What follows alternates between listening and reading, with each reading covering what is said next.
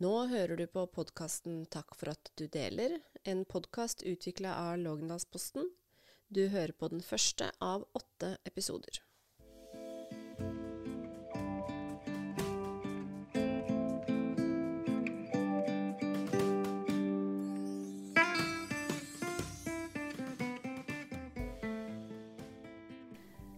Velkommen til podkasten Takk for at du deler. Mitt navn er Linn Kristin Djønne, og i dag så har vi med oss Halvor Jamtveit. Halvor Jamtveit er kjent for de fleste som daglig leder i Kongsberg skisenter, noe han var i veldig mange år. Han ble sett på som den joviale lederen med en enorm arbeidskapasitet. Men så, i 2020 så dukker det opp for mange et overraskende og brutalt ærlig innlegg på hans eh, Facebook-profil. Her beskriver han hvor mye han hadde rusa seg det siste året, og hvor langt nede han var. Halvor, velkommen hit, og takk for at du har lyst til å fortelle din historie. Takk for det. Hvor var du eh, når du skrev dette Facebook-innlegget, altså både fysisk og mentalt?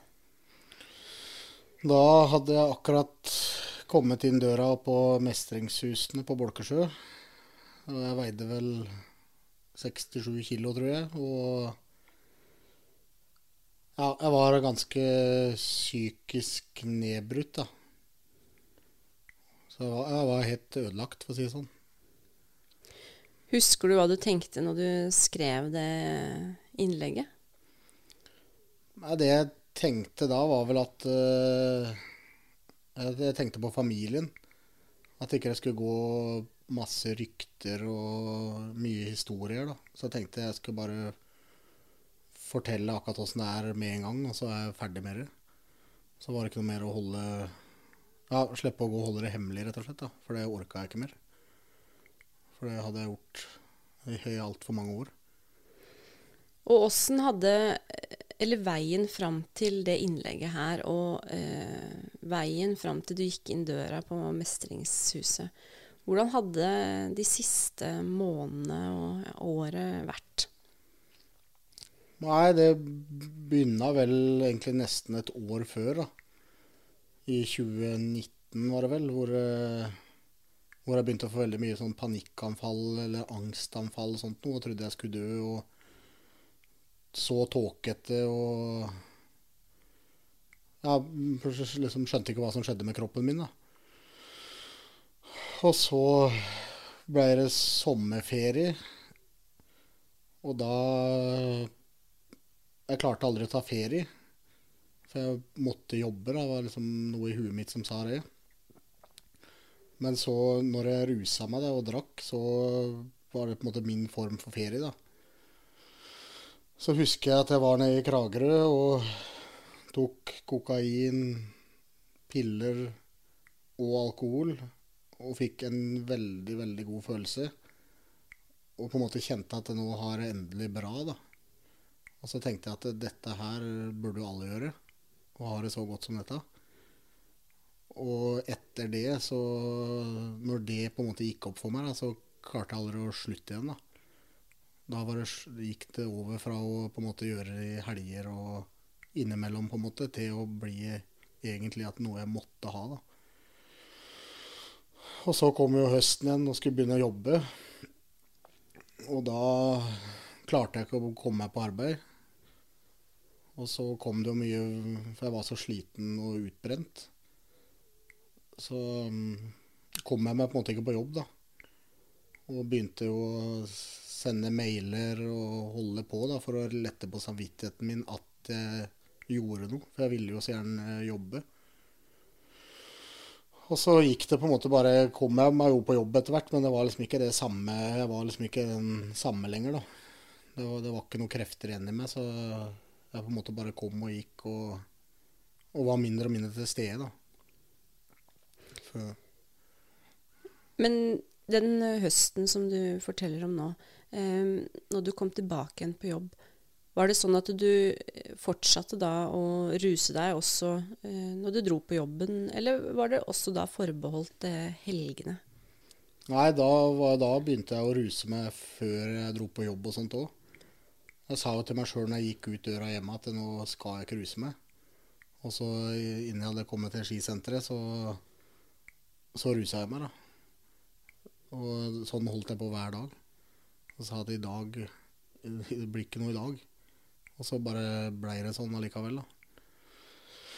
Og det var jo nesten ja, så å si hver dag, da. Og jeg reiste jo fra jobb òg og kjøpte kokain og reiste tilbake på jobb og var på jobb, da. Satt oppi der, kjørte gravemaskin og Men jeg isolerte meg mer og mer, da. Og droppa å være i lunsjen og ble egentlig mer og mer aleine, da. Når du sier rusa deg, åssen type rus var det Altså åssen type stoffer var det du hadde, hadde, i deg? Nei, det var jo mest kokain da, og så var det piller da, i form, form av, av valium. da. For at jeg fikk så angst og nerver av kokain. Så da måtte jeg ha noe annet for å ta knekken på det, da. Så, men så var jeg for sliten til å jobbe hvis jeg ikke hadde kokain. De på jobben din, da? Kollegaene? Nei, det var jo mange som reagerte flere ganger og prøvde å på en måte spørre åssen det gikk og sånt noe, men da hadde jeg fått en ADHD-diagnose en del måneder før. Så jeg skyldte bare på, på, det, da. At det var for mye, jeg hadde feil medisiner, for liten dose av det, eller for mye. Litt ettersom hva som passa, da. Så, men så kom jeg til vinteren, eller var på vinteren. Sånn i juletider så begynte det å eskalere ganske kraftig opp i topplokket mitt da, med ville ideer, og det ble liksom Alt ble på en måte satt ut av proporsjoner, da, eller hva, hva, det heter. Så da fikk jeg til slutt beskjed av faren min, da, som ja, som da eide det tidligere, at uh, nå måtte jeg sjukmelde meg. da og bare reise vekk eller prøve å finne meg sjøl, da. Og så gjorde jeg jo det da etter, etter litt om og men. Men forsto de eh, rundt deg at du hadde et rusproblem mm, på det tidspunktet her? Det veit jeg ikke. Det er mange som ikke forsto det, som jeg har fått høre i ettertid. da. Og så kan det jo hende at det var noen som skjønte det òg, men som på en måte ikke visste åssen en skulle gripe an. da. Det var jo et par stykker som sa ifra til meg òg. At nå er det på tide å dra i nødbremsen, som han sa til meg. Hva, hva var ditt, eh, din respons på det da? da? Nei, jeg klarte vel eh, å være ærlig egentlig et par ganger. Så det var jo på en måte med og hjalp meg veldig, det, da. Men det var jo det Jeg har jo tenkt på dette her veldig mange ganger. Hvor mye enklere det hadde vært for meg å bare sagt det. Sånn, sånn, som jeg sitter nå, da, for nå har jeg ikke noe redd for å si det. Men, eh, men det var så mye skam og, og frykt og, og, redd for å på en måte ikke bli tålt, da. Som gjorde at jeg ikke turte å si det, da. Så det Jeg har tenkt liksom en del på det etterpå, at eh, hvor mye enklere det har vært å sagt det. Reist til f.eks. Terje, da, som er daglig leder oppi der nå, og sagt at du har et jækla problem jeg, jeg veit ikke hva jeg skal gjøre. Liksom bare åpna meg opp til en eller annen. da. Så tror jeg det hadde Ja, det hadde, hadde, hadde det vært nå, hadde visst jeg visste nå, så hadde jeg gjort det, da. Du ble sykemeldt uh, jula 2020. Overgangen 2019-2020? Ja, det er i hvert fall i momentet der, eller januar, eller rundt i momentet der. Og hva skjer de neste månedene da? Nei, da er det på en måte en Hva skal jeg si? En blanding av å prøve å liksom bli bedre. Og til at det bare eskalerer verre enn noen gang, da. Så Hvor jeg da på en måte for alvor begynte å drikke egentlig mye mer hver dag igjen. Sånn, det ble liksom det ble gira opp noen hakk, da.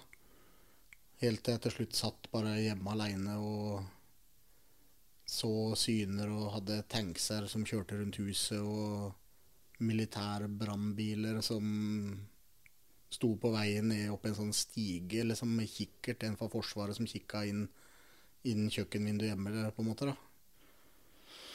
Som sto i en sånn stigebil. Og noen spesielle gummimenn à la Tarzan som klatra rundt i trea. Så det var liksom sånn det blei da, da. Men på det tidspunktet her, eh, eh, forstår du da at det her er hallusinasjoner, eller eh, kjenner du med hele deg at dette her er reelt? Nei, det er en veldig god kombinasjon, egentlig. For det er mm, veldig mye frykt inni der, i hvert fall. Samtidig som det er veldig spennende. Eller jeg, eller jeg syns det i hvert fall var veldig spennende. da. For jeg visste på en måte aldri hva blir det neste jeg får se, da. Så jeg syns jo Jeg likte jo dette her. Det var liksom noe den gangen Jeg kunne jo nesten ruse meg litt for å se, bare for hva ser jeg nå, på en måte. Så Men det var vel på en måte en kraftig psykose, bare. da. Men det tok jo lang tid òg før jeg skjønte òg det at ikke det var ekte, da. Samtidig så skjønte jeg det noen ganger òg, men eh, mange ganger jeg ikke skjønte det òg. Hvor lenge kunne du eh, Altså, var du rusa hele tiden på det tidspunktet her? Nei, men det kunne i hvert fall gå Si at jeg holdt på ei uke eller noe sånt. noe, da. Og så, Som var liksom konstant. Og så kunne hende jeg sov i en dag eller to. Og så prøvde jeg å skjerpe meg igjen en dag eller to, og så, og så var det i gang igjen, på en måte. da. Og i den perioden da så hadde jeg jo kasta alt jeg hadde av narkotika. Kasta øl, kasta alt. Og så kom jeg litt til meg sjøl igjen, så var det bare å reise og kjøpe nytt. Når du sier du holdt på en uke, var det uke med eh, da eh, selvfølgelig mye rus, men eh, også da lite søvn eller ingen søvn? Ja, det er jo lite eller ingen søvn, ja. For det var gjerne da på liksom, dag to eller tre eller noe som det begynte å komme Forsvaret begynte å omringe meg. Det var liksom ikke første, første timen. Men det blei jo kortere og kortere tid det tok år før, før jeg gikk inn i psykose, rett og slett. da. Det gikk kortere og kortere tid på det òg. Har du noen rundt deg på det tidspunktet her? Ja, jeg hadde, hadde jo det. Eller ja, jeg hadde det. Ingvild, som var samboeren min, hun var jo rundt dette her, da. Men hun var jo mye vekk òg, på en måte. Så hun skjønte jo på en måte at dette her ikke var bra, men hun klarte ikke heller å helt sette ord på det, da. For det ble for heftig, rett og slett. da. Åssen eh, har det her vært eh, for henne, da? Åssen var den perioden for henne? Nei, det har jo vært tøft, det. Så veldig hardt. Så det Ja, det har jeg ikke noe annet å si om det. Um, dere har barn sammen? Ja da, vi har ett barn sammen, ja. Så Men hun Ja, vi hadde ikke det da, da, når det her pågikk, men det kom etterpå. Så har to, to barn fra før, da. Dem, men dem, mora mi ringte jo på en måte i det momentet jeg ble sjukmeldt, og sa at nå Nå kan ikke du ha barna dine på en stund. Og det da det svarte jeg på at ja, det skjønner jeg. Og så ble jeg på en måte letta, da. For å slippe å liksom Ja, hva skal jeg si? Rett og slett må ta dem, da, for å, for å vise dem rundt at alt er bra, da. For hvis jeg sa nei, så hadde liksom de kanskje skjønt noe, da. Så det var på det nivået der. Så det ble på en måte nesten sånn lettelse akkurat der og da, da. Var du opp, eller, eller opptatt eh, av å ikke eh, bli oppdaga? Ja, det var dere det gikk jo veldig mye på det. Og det var derfor jeg hadde så mye frykt, og jeg tror det var derfor jeg på en måte så så mye av det jeg så med tanke på forsvar, politi og alle de synene sånt jeg så, da. For det var frykten i meg som på en måte la fram det jeg var redd for, da. Å bli, bli ferska, på en måte. Eller bli tatt. Det var den største frykten av alt, og det å bli tatt eller bli oppdaga, da. Så jeg prøvde å verne om dette her så godt jeg kunne for å få, få dagene til å gå opp. på en måte. Og så skjer det jo noe, fordi eh, du blir jo etter hvert eh, innlagt på mestringshusene. Mm. Hva, eller når var det du forsto at eh, noe måtte gjøres? Nei, det var jo i, i den ganske tidlig når jeg ble sykemeldt. Når jeg prøvde å, prøvde å stoppe, da. Så eller jeg har jo skjønt det før òg, men det var da jeg for alvor skjønte det, når jeg ble sykemeldt. For da hadde jeg ikke jobben lenger. Og det var den som holdt meg oppe. Da var det på en måte ikke noe igjen av meg uten å ha den jobben. Så da tok jeg jo kontakt med mestringshusene sjøl og, og spurte om det var ledig plass, da. Så det kom sånn etter hvert, egentlig? At, eh, eller fikk du da beskjed om at ja, nå kan du, du kan komme inn nå, eller var det en eh, ventetid? Åssen funka det? Nei, da hadde jeg en sånn lite gløtt, holdt jeg på å si, med håp og tro på meg sjøl. En sånn kort bilde med det. Hvor jeg tenkte at nå trenger jeg hjelp. Og det har jeg jo hatt mange ganger opp gjennom livet, men den har jo gått over hver gang. Og så hadde jeg det nå, da. Og da ringte jeg og var på en måte klar for å dra opp egentlig samme dag, eller hva det måtte være. Men så fikk jeg beskjed om at det var at jeg måtte på DPS først, da. Og fortelle åssen det sto til der. Og så måtte de vurdere om jeg var skikka til å komme inn i behandling, da. Og så etter litt om og men der, så Så ja, hvor jeg var vel ganske Ja, jeg var ganske liksom sinna, da, i den perioden. For jeg syntes det var så dårlig at når jeg endelig på en måte ville ha hjelp, da, så var det så vanskelig å på en måte få det. da. Det føltes iallfall vanskelig da.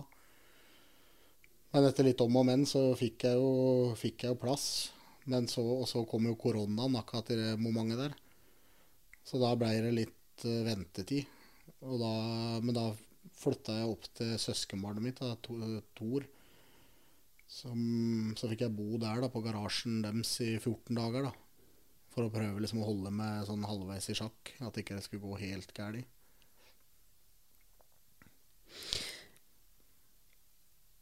Var det sånn at du øh, holdt på å trekke deg fra å, å, bli lagt inn, eller var du klar hele tiden da på at dette skulle du? Nei, jeg var jo på en måte klar for det da, ja. Det hadde heller eskalert til nivået der at det var kanskje dem rundt meg var ikke sikker på om jeg kom til å overleve. da. Mm. Så kjenner jeg på en måte blir lei meg når jeg sier det. da. Så det var heller på en måte gått til det nivået der. For å ja. Men så kommer du inn på mestringshusene. Mm. Og hva, hva, er veien videre der da? Nei, da var det jo først inn på noe som heter fase 1, hvor det var å bli hva skal jeg si, nykter da, og edru og, og hele den pakka der. Så der var jeg vel i to-tre to, dager, tror jeg, før jeg på en måte i hvert fall var ja, edru, da. Og så var det inn i, da, i fase to, som det var rett inn klokka åtte eller halv ni om morgenen i, i gruppeterapi. da. Så det var jo rimelig stor overgang, det. Og, og da begynne å sitte og ja, lytte til 14-15 andre da, som forteller åssen dem, åssen dem har det. Og så kjente jeg meg veldig igjen i det.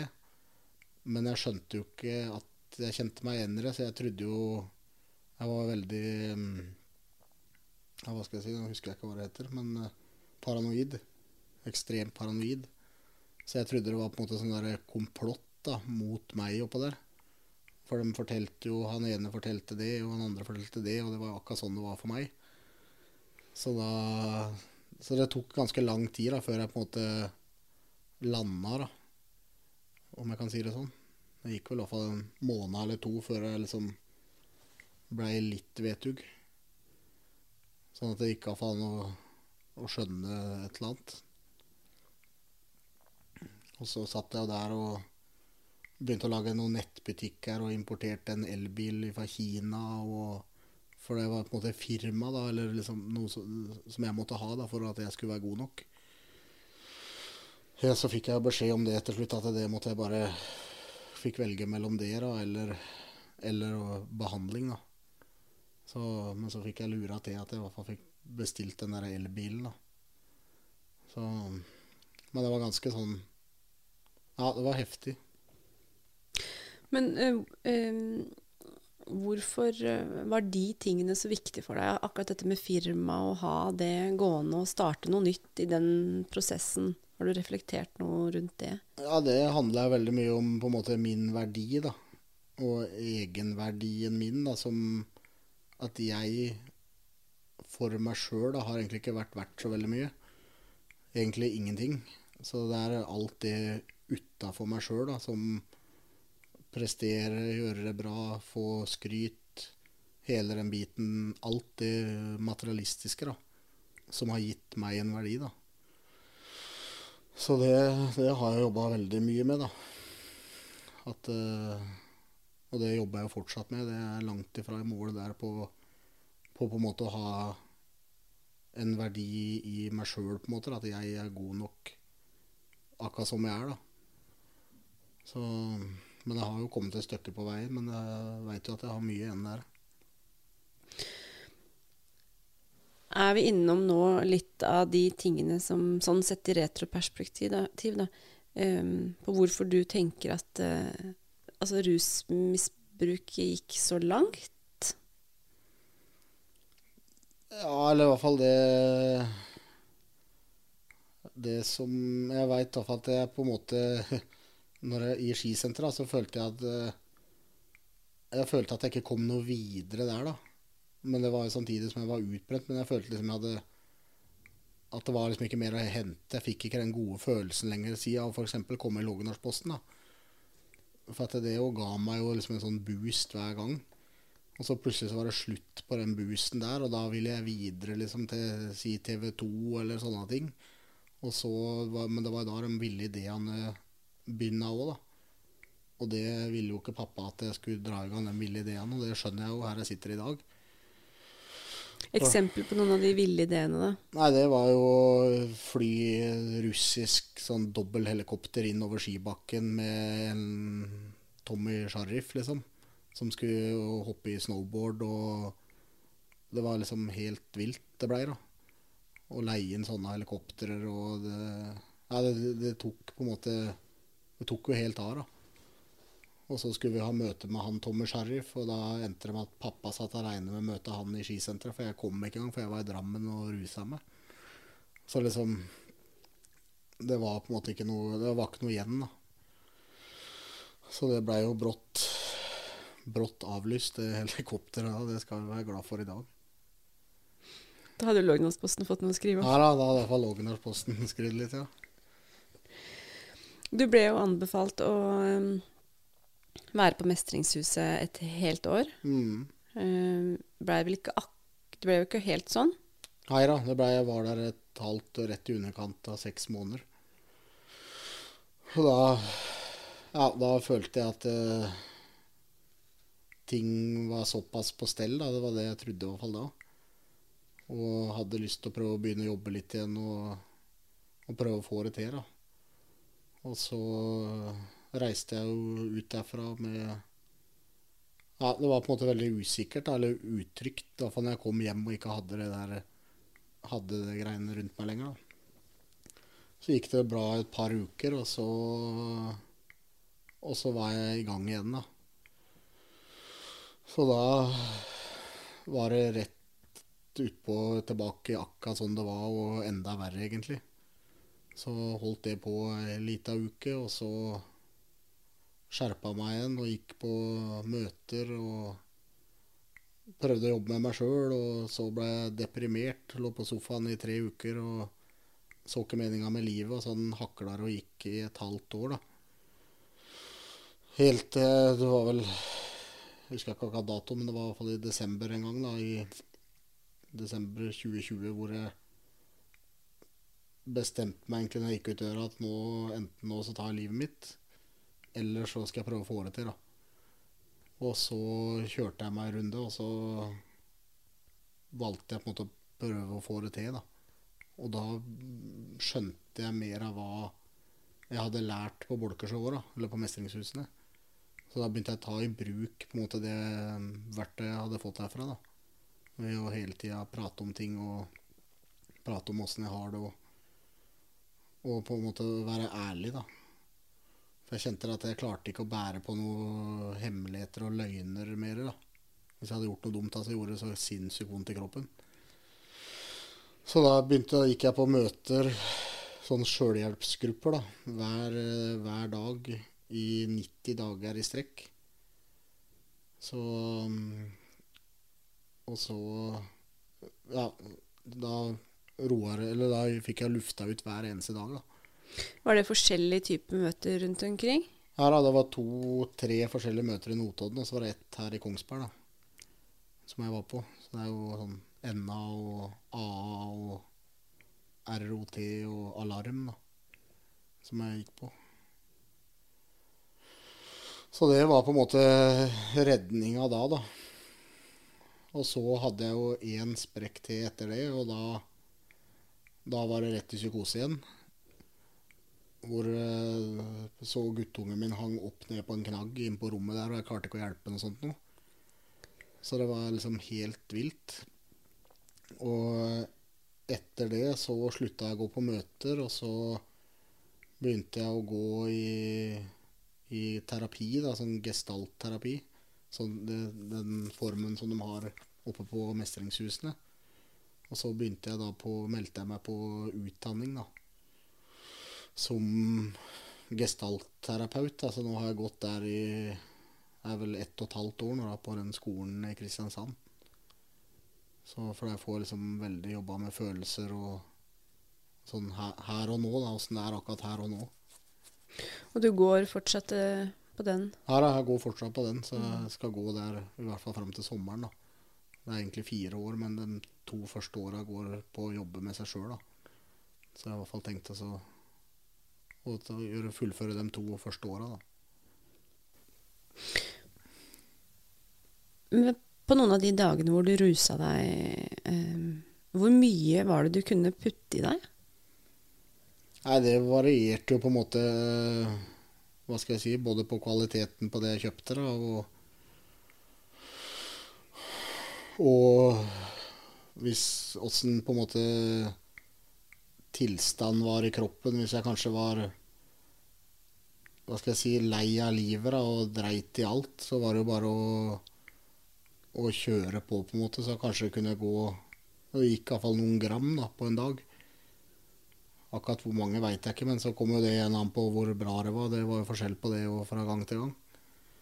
Så Og så kanskje det var alt fra 10 til 30 piller eller på et døgn. Jeg aner ikke, på en måte, for jeg veit at jeg kjøpte i hvert fall 300 piller en gang, og dem trodde jeg skulle ha hele sommeren. Men så var det liksom bare snakk om Plutselig så var det tomt. Og da skjønte jeg ingenting. Og da trodde jeg at noen hadde stjålet dem, men dem hadde jeg gjemt inni en vegg. Så det var på en måte bare jeg som hadde tilgang til dem. Og så, og så gikk det jo jeg hadde jo kjøpt sånne tipakninger med øl hver dag, og Baileys literflasker. Dem gikk jo ned på høykant med isbiter. Så det var jo store mengder. Det var jo det. Så tenker du når du tenker tilbake på det nå? Nei, jeg tenker at det var, det var sånn det var da, da. Og så får jeg ikke gjort noe med det nå. Det er mange som har spurt som jeg tenker hvor mye penger jeg har brukt på det, og sånn, sånn, så tenker jeg at ja, men det, hvis jeg skal gå og plage meg med det òg, liksom, da, da blir jeg bare sittende her. Hvis jeg skal For at det tør jeg ikke å begynne å regne på engang, for at det er, det er jo flere millioner opp gjennom i livet, liksom. Du har jo vært litt litt innom det med tanke på um, um, at du begynte å se forskjellige ting og, og med psyken din. Men, men når du har et sånt uh, misbruk som det du hadde, da, og eh, tar såpass mye stoffer over lengre tid, hva gjør det uh, med kroppen? Altså hva gjør det med deg? Nei, eh, det er et godt spørsmål, holdt jeg på å si. For jeg vet jo ikke åssen det hadde vært uten, eller sånn. Men det i hvert fall det jeg veit, som jeg har nå, er jo at jeg har høl gjennom neseskilleveggen. da. Så har jeg jo etsa høl gjennom den, og det har jo på en måte dette i flak tidligere av fortanna mi, f.eks. For så, så har det jo vært det med ja, med psyken, da, med sjalusi og med paranoia og Eller paranoid, da. Og det har jo hengt med meg veldig lenge. Det har mer eller mindre sluppet nå, men hvor jeg på en måte Hvis jeg har tatt på meg en jobb i Oslo f.eks., så har jeg jo vært sikker på at de skal lure meg, og at de er ute etter å ta meg, og hele den biten her, da. Men da har jeg på en måte skjønt at uh, det er ikke sånn. Men allikevel så har jeg to hva skal jeg si, to tanker oppi huet på likt, da, som drar 100% hver sin vei. da. Og så måtte jeg prøve bare å balansere i midten av dette her, så det har jo vært en sånn sinnssyk kamp, da. Men det har jo bare måttet gitt uh, tida til hjelp, for å si det sånn. Så, og så, ja, så har jeg jo lagt lokk på alt som fins av følelser da, i 15 år eller 17 år. Altså, de ligger jo fortsatt i kroppen min, og de skal jo ut på en eller annen måte. Så det er jo det jeg har jobba veldig med nå det siste halvannet året, da, med å bare rydde opp i alt av traumer og alt som fins grums, for å si det sånn. Som aldri har vært prata om, eller kanskje aldri eller noen ganger, men i hvert fall ikke grått, grått i heller, hvis jeg ikke f.eks. har vært full og sånt noe.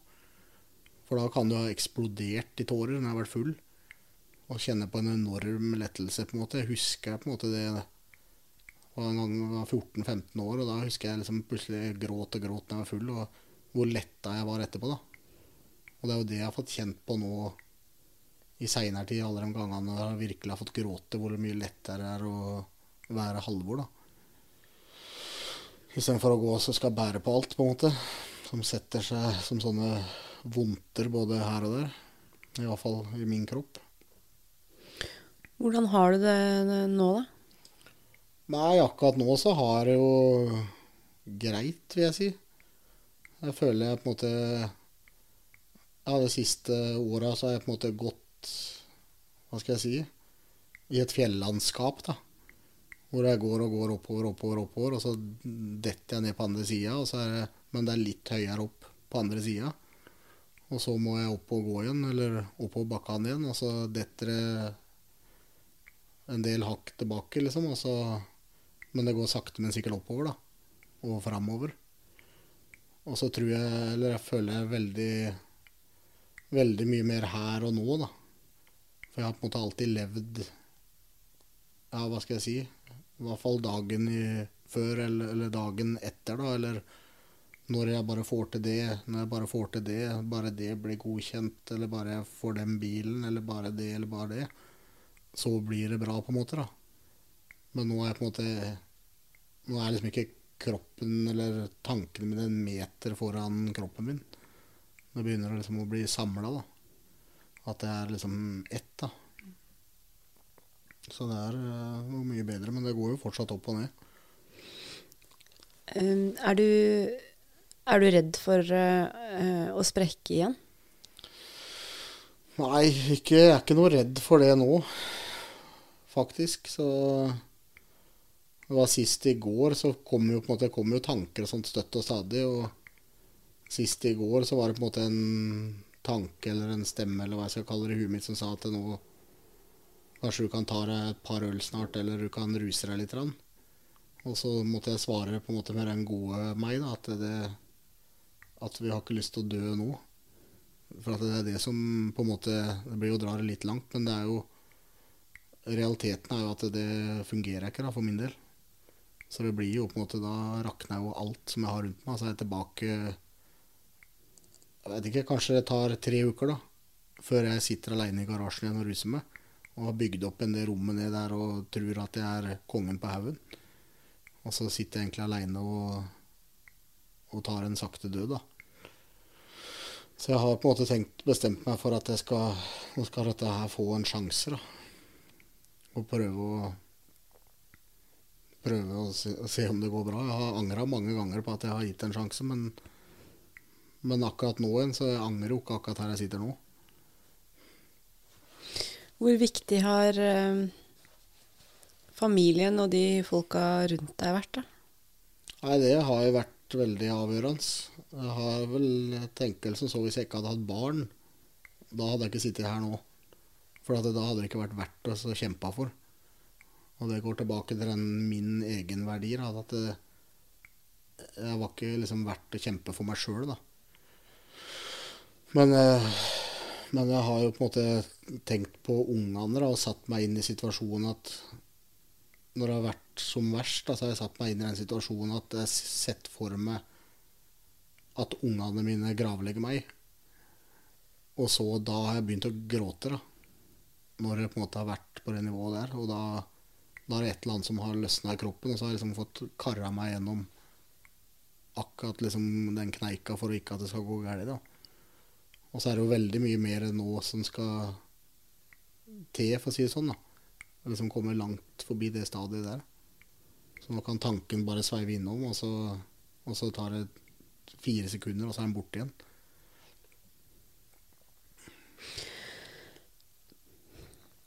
Hva vil du si at um, er det viktigste som du har lært av hele Eller de siste fire-fem åra? Nei, det ordet som kommer opp inni meg da, det er åpenhet, da. Det er det som på en måte har vært avgjørende for min del. Åpenhet. Og så tørre å si noe om åssen jeg har det, da. Sjøl om det er jo ikke alltid jeg klarer det nå heller. Det hender ofte at det skjærer ut, men da får jeg veldig vondt. da. Og så etter hvert så får jeg så vondt at jeg bare må si det. Og så angrer jeg da på at jeg ikke det for en uke siden. Så hadde jeg sluppet å ha det vondt ei uke. Så det er vel noe med det med åpenhet, da. Som sikkert Eller som har vært redninga for min del, da. Hvis det er noen som uh, hører på den podkasten her som uh, um, ja, Eh, eksperimenterer litt med uh, stoffer. Hva er det du vil si til de? Nei, jeg vet ikke helt hva jeg skal si, men jeg kan jo si at det, det gjorde jeg òg i mange år. Og hadde full kontroll i årevis. Helt til det bare plutselig en dag hadde jeg ikke det. Og for meg så skjedde jo det da jeg var 30 år. Og noen skjer jo for når de er 19. Og noen hakla jo gjennom mer eller mindre halve eller hele livet. Så jeg vil jo på en måte bare ja, Jeg veit ikke helt hva jeg skal si, men det er i hvert fall for meg Jeg klarte det ikke, i hvert fall. Og jeg var sikker på at jeg hadde full kontroll. Og når jeg hørte på sånn som dette her, så bare rista jeg på huet av han idioten som prata om det her, og lurte på for en taper det er som ikke klarer å kontrollere de greiene der. For det var det jeg tenkte. Men eh, så gikk det galt for meg òg. Og så begynner jeg jo på en måte å bli glad for det. da. At det, at det gikk så langt, rett og slett. Da, for det var eneste håpet for at jeg kunne gjøre noe med det òg. Har du noe du har lyst til å si til eh, de som er eh, rundt noen, da, som de mistenker at har et rusproblem? Ja, det som i hvert fall hjalp meg, da, det var jo Hvis en klarer på en måte å treffe dem på rette tidspunkter, da. Og spørre om åssen egentlig de har det, da. Så men i hvert fall for meg så funka ikke det når liksom hverdagen sånn halvveis gikk opp. Det var når jeg var litt nede og sårbar, da. Som de da tilfeldigvis plutselig traff. Hvor jeg klarte å være åpen for det er jo ikke lett. Jeg holdt dette hemmelig for det jeg kunne, da. så er det vel kanskje å anbefale at, eh, å prate med noen. da, Og slippe å bære på det aleine. Snakke med noen andre som Kanskje vi kjenner noen som har hatt en sønn eller datter, da, som, eller en far eller en mor som, som veit har hatt et problem eller har et problem. Kanskje snakke Være flere om det, da. Ikke gå aleine og bære på det, for den blir jo ødelagt, dem rundt òg. Det tar jo, er jo sikkert minst like hardt for dem rundt som den som sitter i det. Har du og familien din snakka mye om eh, den tida nå sånn i ettertid?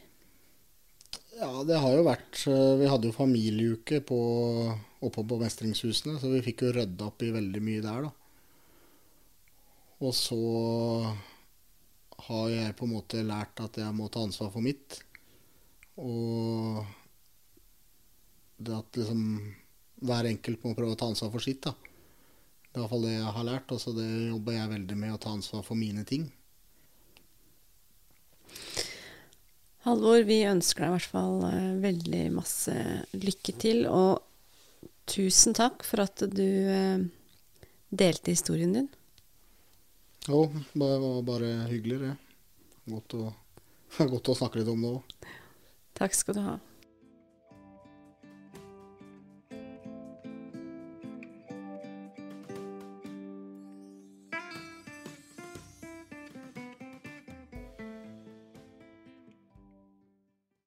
Har du et enkeltpersonforetak eller en liten bedrift? Da er du sikkert lei av å høre meg snakke om hvor enkelt det er med kvitteringer og bilag i fiken, så vi eh, gir oss her, vi. Fordi vi liker enkelt. Fiken superenkelt regnskap.